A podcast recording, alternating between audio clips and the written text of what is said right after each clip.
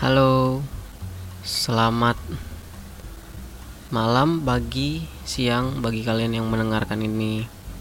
Yang bagi kalian mendengarkan podcast atau menonton video YouTube ini di mana pun kalian berada. Hari ini, malam ini, atau sekarang ini saya akan membahas satu topik lagi yang membahas ada sedikit-sedikit mirip-mirip sama video sebelumnya yaitu tentang tetap gambar gerak juga gitu. Nah, tapi sekarang ada yang beda karena saya dari Italia saya beralih ke Jepang sekarang ini. Saya akan membahas tentang Yamishibai. Mungkin kalian udah pada yang tahu ya kalau kalian penggemar anime-anime horor gitu. Kalian pasti tahu dan pasti ya sedikit banyak mengerti hal ini.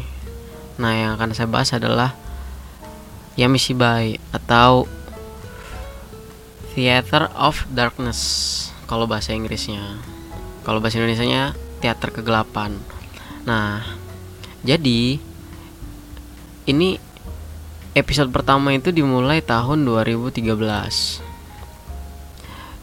Tahun 2013 disutradarai oleh Tomoya Takashima dan penulis naskahnya Hiromu Kumamoto. Nah, jadi itu film ini itu tuh cuman kayak selingan-selingan di antara beberapa film aja kayaknya ya, kalau nggak salah. Jadi tuh kayak selingan-selingan aja dari jadi kalau kalau kita tahu biasanya tuh di Space Tune itu jadi ada satu acara kan biasanya tuh 30 menit tuh satu episode.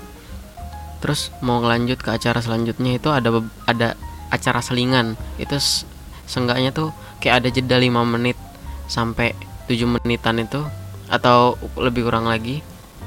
Itu tuh beberapa ada yang kayak ada yang kayak game-game kecil atau pengetahuan-pengetahuan dasar untuk anak kecil. Nah mungkin ini salah satunya. Ya misi baik kalau nggak salah saya tuh tadi nyari-nyari artikelnya tentang itu dan saya nggak dapetin sih. Jadi itulah kayaknya mereka diselipin gitu. Karena juga ini durasinya paling lama ya 5 menit 6 menitan lah.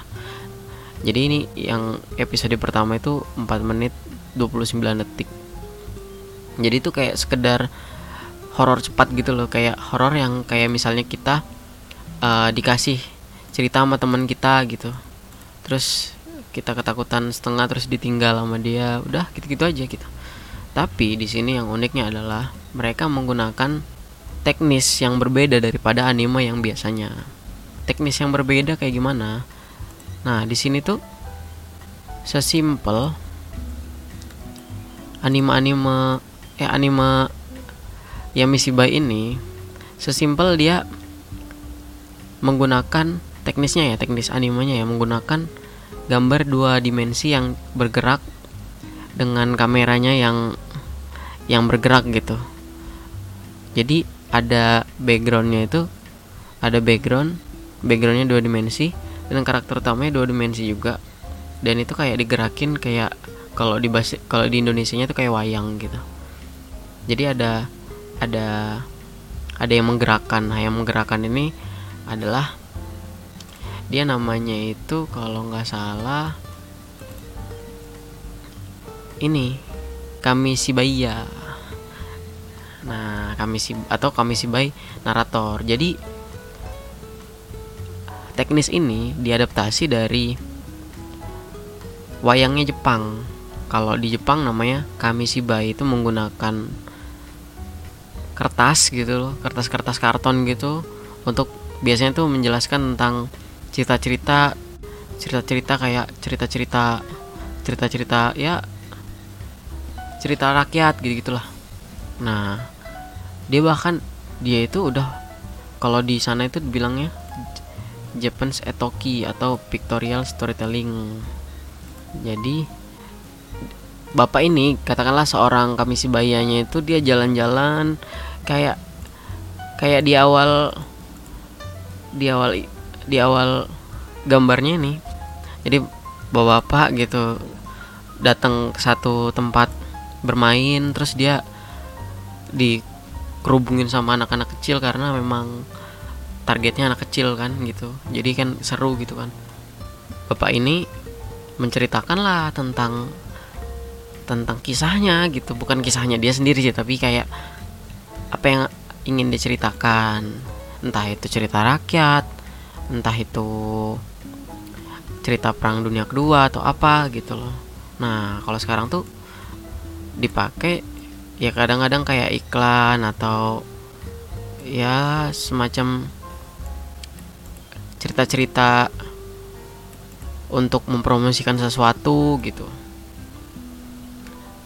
Nah akhirnya dipakailah oleh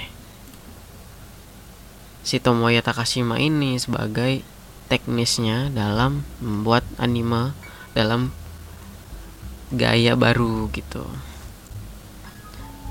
Nah itu itu itu dasarnya dulu ya dasarnya dulu. Dasarnya dasarnya ya Mishiba ini gitu. Nah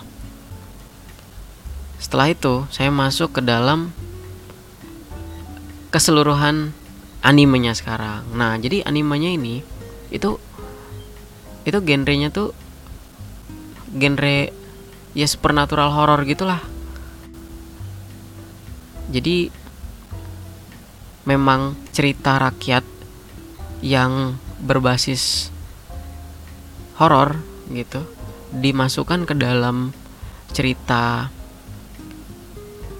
atau teater teater kertas ini dan ditampilkan dalam bentuk digital kepada kita gitu secara selama 4 menit lebih gitu atau sampai 4 sampai 6 menit. Nah, jadi ini tuh sukses banget tapi nggak begitu sukses sih. Nggak begitu sukses di seluruh dunia. Tapi sukses di kalangan tertentu. Di kalangan anime apa fans-fans anime yang sedikit beda gaya teknisnya ataupun beberapa penggemar horor gitu. Pasti tahu lah kalau Yamishiba ini dimulai dari tahun 2013 sampai 2018 masih mengudara kalau nggak salah Juli 2018 sekarang udah Juli eh Juni 2000 19 udah setahun lah nggak ngudar lagi. Tapi saya juga baru tahu karena saya tahunya tuh sampai tahun 2014 eh 2014 dua sampai season keempat. Sampai season keempat ini saya udah nggak nonton lagi kan? Ternyata ada lagi gitu. Ada lagi season 5 terus ada lagi biasanya tuh dia 3 3 13 13 13 episode doang gitu. Dan season ke-6 ada lagi gitu. Kayaknya seru sih. Saya punya dua season lagi untuk maraton nonton. Tapi memang sebenarnya sejujurnya opini jujur saya itu mengatakan kalau tidak. Jadi jadi sejujurnya ya misi Misiba ini ya Misiba ini kayak apa ya kayak kenceng di awal gitu loh jadi kalau bisa dibilang tuh ininya tuh episodenya itu itu jago di awal gitu. Jadi jadi cerita ceritanya tuh serem banget gitu. Cerita cerita awalnya tuh cerita cerita episode pertama itu serem banget gitu loh.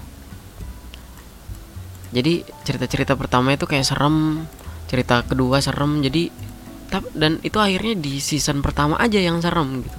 Dan di season pertama juga nggak semuanya serem sih ada beberapa yang yang biasa aja gitu. Tapi ada hampir banyak yang serem. Karena seru karena kita juga pengen tahu kan sisi lain dari Jepang tuh kayak gimana. Dan inilah salah satu sisi lainnya itu gitu. Nah inilah kayak gini ini kami si bayan ini kayak gini. Jadi seorang biasanya sih bawa bapak ada juga mungkin anak muda tapi nggak tahu ya. Dia menceritakan tentang ya banyak macam gitu. Nah jadi cerita ceritanya tuh awalnya aja yang kenceng gitu tapi setelah season kedua agak lembek gitu cuman satu doang yang bagus gitu. Season ketiga gitu juga season keempat ya gitu juga. Nggak tahu season kelima season keenam kayak gimana tapi secara rata-rata itu sih karena menurun ya karena bukan bukan si bukan si saudara awalnya juga yang uh, sutradain gitu jadi orang lain gitu. Nah itu mungkin juga yang yang bikin yang bikin agak sedikit kendor gitu. Tapi sejauh sejauh kita menikmati aja tuh seru-seru aja dan jujur. Kalau kalian pengen serem-sereman ini nggak begitu serem gitu. Cerita-cerita ini tuh nggak begitu serem. Jadi untuk sekedar pengetahuan itu tuh sangat sangat penting gitu loh. Sangat sangat penting itu tuh jadi kayak menambah pengetahuan baru dan oh ternyata di sudut sana tuh ada juga yang sistem seperti ini gitu. Nah ya misi by itu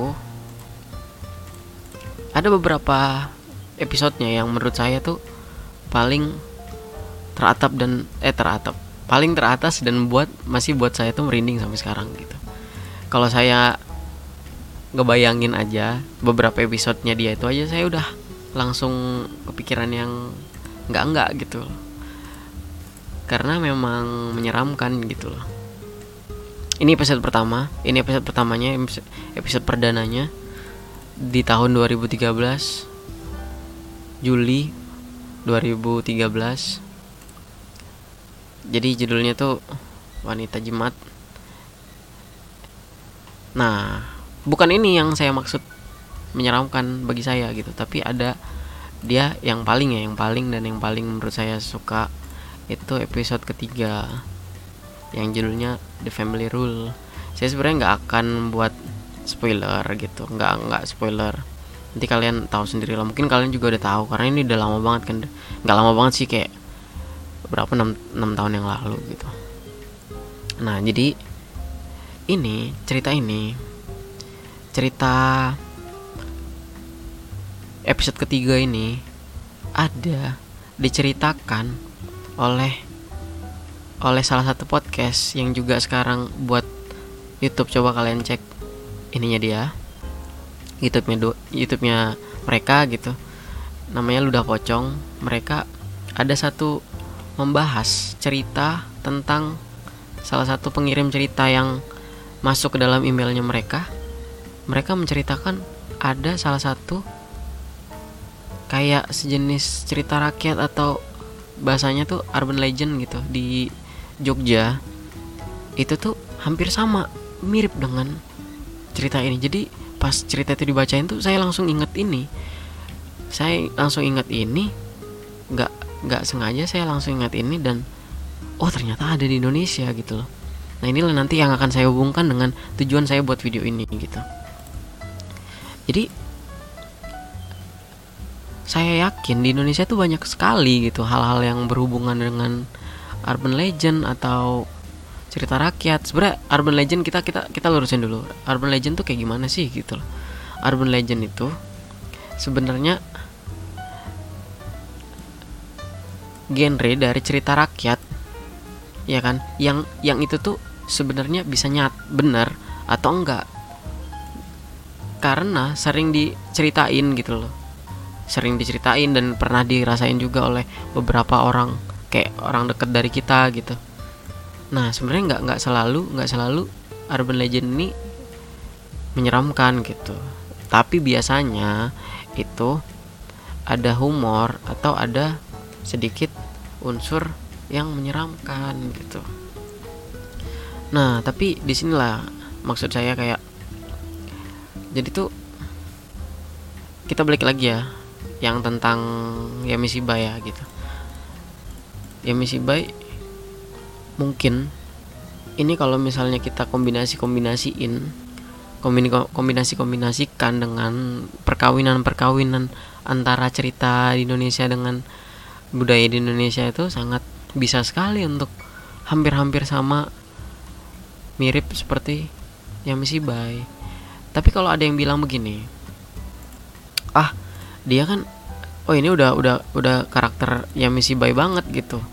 Ya misi bay kan karakternya gitu gitu kayak ya misi bay itu kan karakternya sangat kental kan. Dia cuman kamera yang gerak gitu. Ini gambarnya cuman diam aja kayak cuman gerak-gerak dikit gerak-gerak dikit backgroundnya juga stabil gitu. Itu tuh cuman gitu-gitu aja tapi kenapa kita nggak membuat sesuatu yang mungkin sama gitu? Karena nggak ada yang sesuatu yang baru di dunia ini gitu. Semuanya itu adalah repetisi repetisi dari masa lalu. Pasti begitu gitu. Itu yang pengen saya bahas dan pengen saya ungkapkan kepada halayak yang mendengar ini. Coba lihat. Coba gini. Nanti beberapa kali kalian kalau misalnya minat dengan ngelihat ini kalian bisa lihat di Crunchyroll di website yang kayak YouTube juga tapi cuma nontonin anime tapi berbayar sih. Bisa kalian lihat di sana gitu. Atau kalian juga bisa datang-datang kalau kalian di Jogja kalian bisa datang ke warnet kayak Merapi ini bukan bukan bukan bukan bukan endorsan atau apa pun gitu tapi kalian bisa download juga gampang lah. Saya juga saya juga kopi dari Merapi gitu kan. Jadi kalian bisa ngelihat dan kalian dengar cerita yang kalau nggak salah cerita yang mana ya pokoknya ada judulnya tuh culi-culi. Culi-culi dari ludah pocong. Coba kalian denger itu tuh mirip banget sama kayak yang episode 3 ini The Family Rule. Tapi nggak nggak gitu mirip banget sih. Tapi kayak hampir keseluruhan itu seperti itu. Tapi bukan identik gitu. Nah itulah yang saya akan kasih tahu ke kalian sebenarnya bahwasanya Indonesia mungkin bisa membuat hal-hal seperti ini hal-hal yang menurut saya dapat dipertontonkan kepada dunia dengan cara yang lebih elegan gitu. Ini, ini juga ini juga salah satu episode yang serem banget ini. Ini episode terakhir dari season pertama judulnya The Tormentor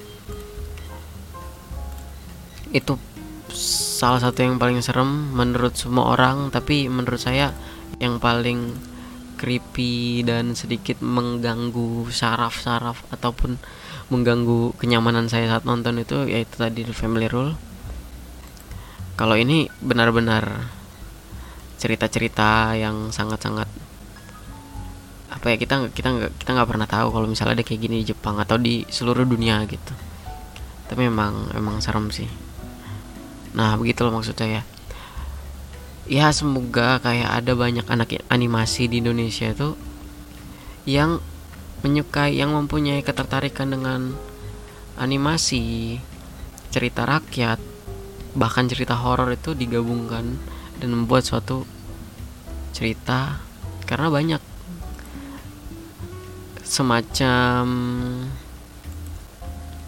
semacam urban legend di Indonesia tuh banyak banget kan. Kayak urban legend di Indonesia tuh kayak gimana sih? Maksudnya kayak kalau kalau kalau kayak hantu-hantu gitu kan sebenarnya bukan urban legend sih ya. Mungkin urban legend tuh kayak kayak yang lebih lebih lebih apalagi kayak mungkin kayak mungkin kayak Banaspati gitu-gitu ataupun leak ataupun itu juga salah satu urban legend juga kan. Sama kayak apa yang yang yang tersenyum itu wanita tersenyum itu yang digunting tuh apa namanya pipinya tuh digunting itu yang di Jepang gitu. Nah itu mungkin sama juga gitu loh itu aja mungkin mungkin agak singkat kali ini karena menurut saya saya pengen menyampaikan itu aja gitu. Dan ini ngacak ya nggak apa-apa ya karena saya juga nggak pakai nggak pakai treatment nggak pakai script untuk ngebahas ini. Ini kayak cuman sekedar improvisasi terus aja dalam dalam dalam video-video kita dalam podcast-podcast kita tuh hanya improvisasi khusus saja karena itu memang ciri khas dari biru sempurna. Ini ini ini saya baru baru lihat baru baru lihat hari ini karena saya lagi pengen buat video ini. Saya baru lihat hari ini padahal ini dari 2016 jadi dia nge live actionin anime Yamishi Bai di salah satu videonya di di episode ke 11 kalau nggak salah. Bener, bener gak sih? 11 video. Ya ini salah satu videonya ah videonya uh, animenya yang nge-live action ini nih jadi ceritanya ada mereka lagi ngerjain sesuatu habis apa kerjaan PR musim panas lah. Terus akhirnya mereka bosen. Terus ada salah satu yang bawa video. Terus videonya katanya aneh gitu. Jadi saat saat saat diputar tuh ada yang nggak seharusnya direkam tapi ada direkam gitu. Terus kayak ah ada yang bohong ada yang nggak percaya gitu. Akhirnya singkat cerita ditonton lah gitu kan ditonton. Kok ada yang satu yang aneh yang temannya nggak ngeliat gitu gitulah tapi memang sebenarnya ada banyak banyak banyak twist twist endingnya sih. Jadi kalian tenang aja. Dan saya bilang kalian jangan terlalu optimis untuk ekspektasi akan video ini yang atau anime ini yang menyeramkan. Tapi karena nggak begitu menyeramkan gitu tapi ya lumayan. Tapi yang dicari itu adalah ceritanya gitu loh. Cerita yang sebenar-benarnya dari cerita gitu. Kebanyakan kan kita selalu disuguhi oleh cerita-cerita horor yang klise gitu kan.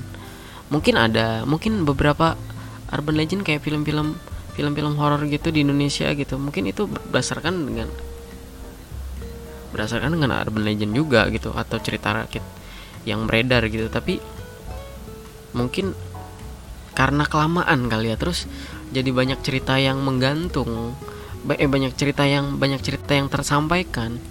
Akhirnya nggak dapet makna yang sebenarnya itu.